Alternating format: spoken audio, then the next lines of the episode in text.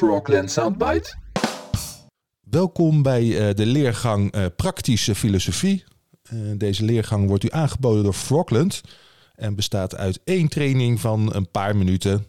En het behandelt één onderwerp, het postmodernisme.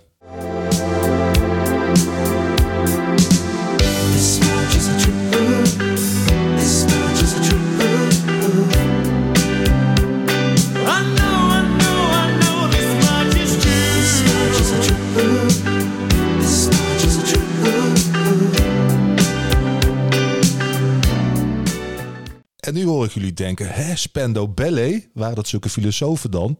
Nou, dat weet ik niet. Misschien wel, misschien niet. Die tekst lepelen ze natuurlijk ook maar gewoon op, op een beetje zoetgevoiste manier. Ja, in de jaren tachtig was het nog heel normaal om eh, emotie in muziek te stoppen. Oei, ik betrap nu toch wel op een eerste eh, ja, generatie kloofgrapje.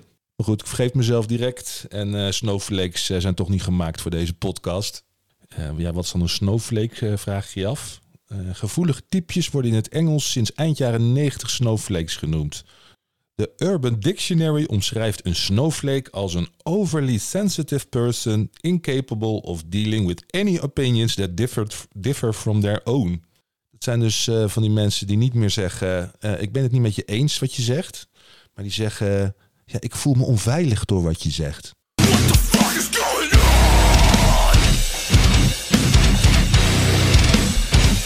Ja, Sylvana Simons noemt dat microagressie. Nou, maak daar maar macroagressie van, hoor.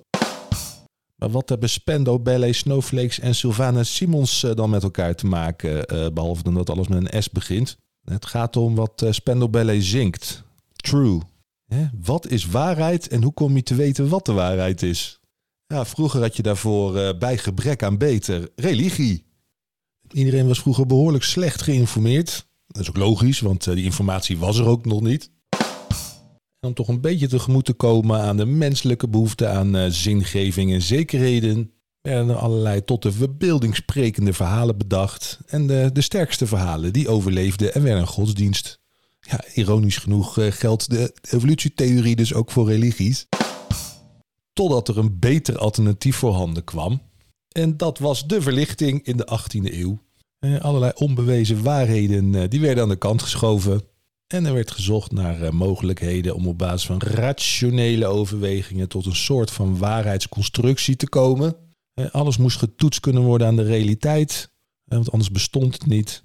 En in die zin is het leven van een priester toch wel te prefereren boven dat van een wetenschapper. Een priester die hoeft zijn stellingen niet te bewijzen. Een wetenschapper wel, wat meestal niet lukt en wat dan weer zorgt voor twijfel. Of liever nog meer nieuwsgierigheid natuurlijk. En dat hele verlichtingsdenken, dat heeft eh, voor een enorme boost gezorgd. Wat zijn gelijke eigenlijk niet kent. eh, in de vooruitgang van de westerse samenlevingen. Alle belangrijke zaken werden voortaan via rationele argumenten geregeld. Er kwam een competentiehiërarchie. Je moest een opleiding doen eh, voordat je een functie kreeg.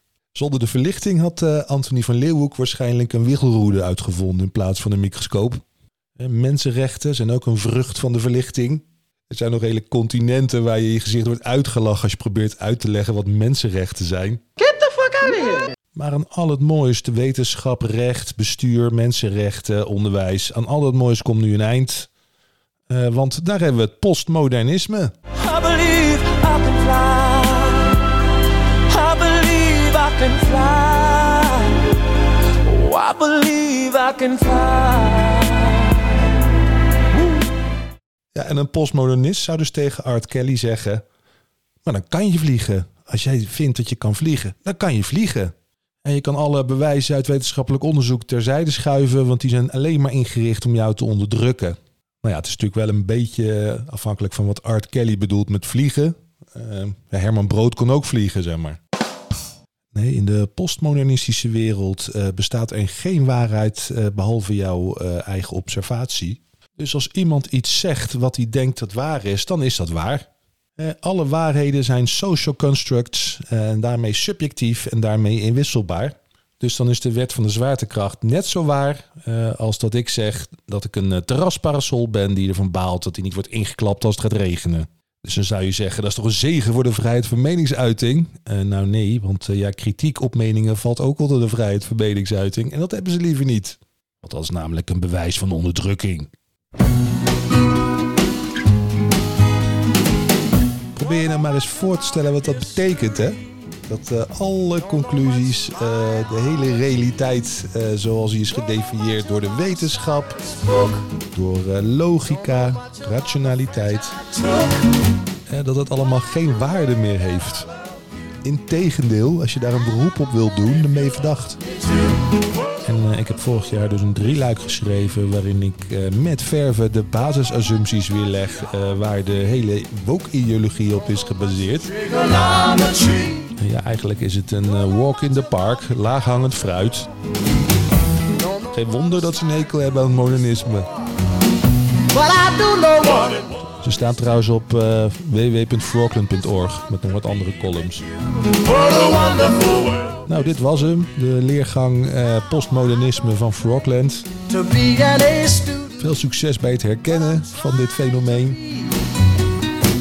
Als je er helemaal oog voor hebt, dan uh, zie je het best wel vaak voorbij komen.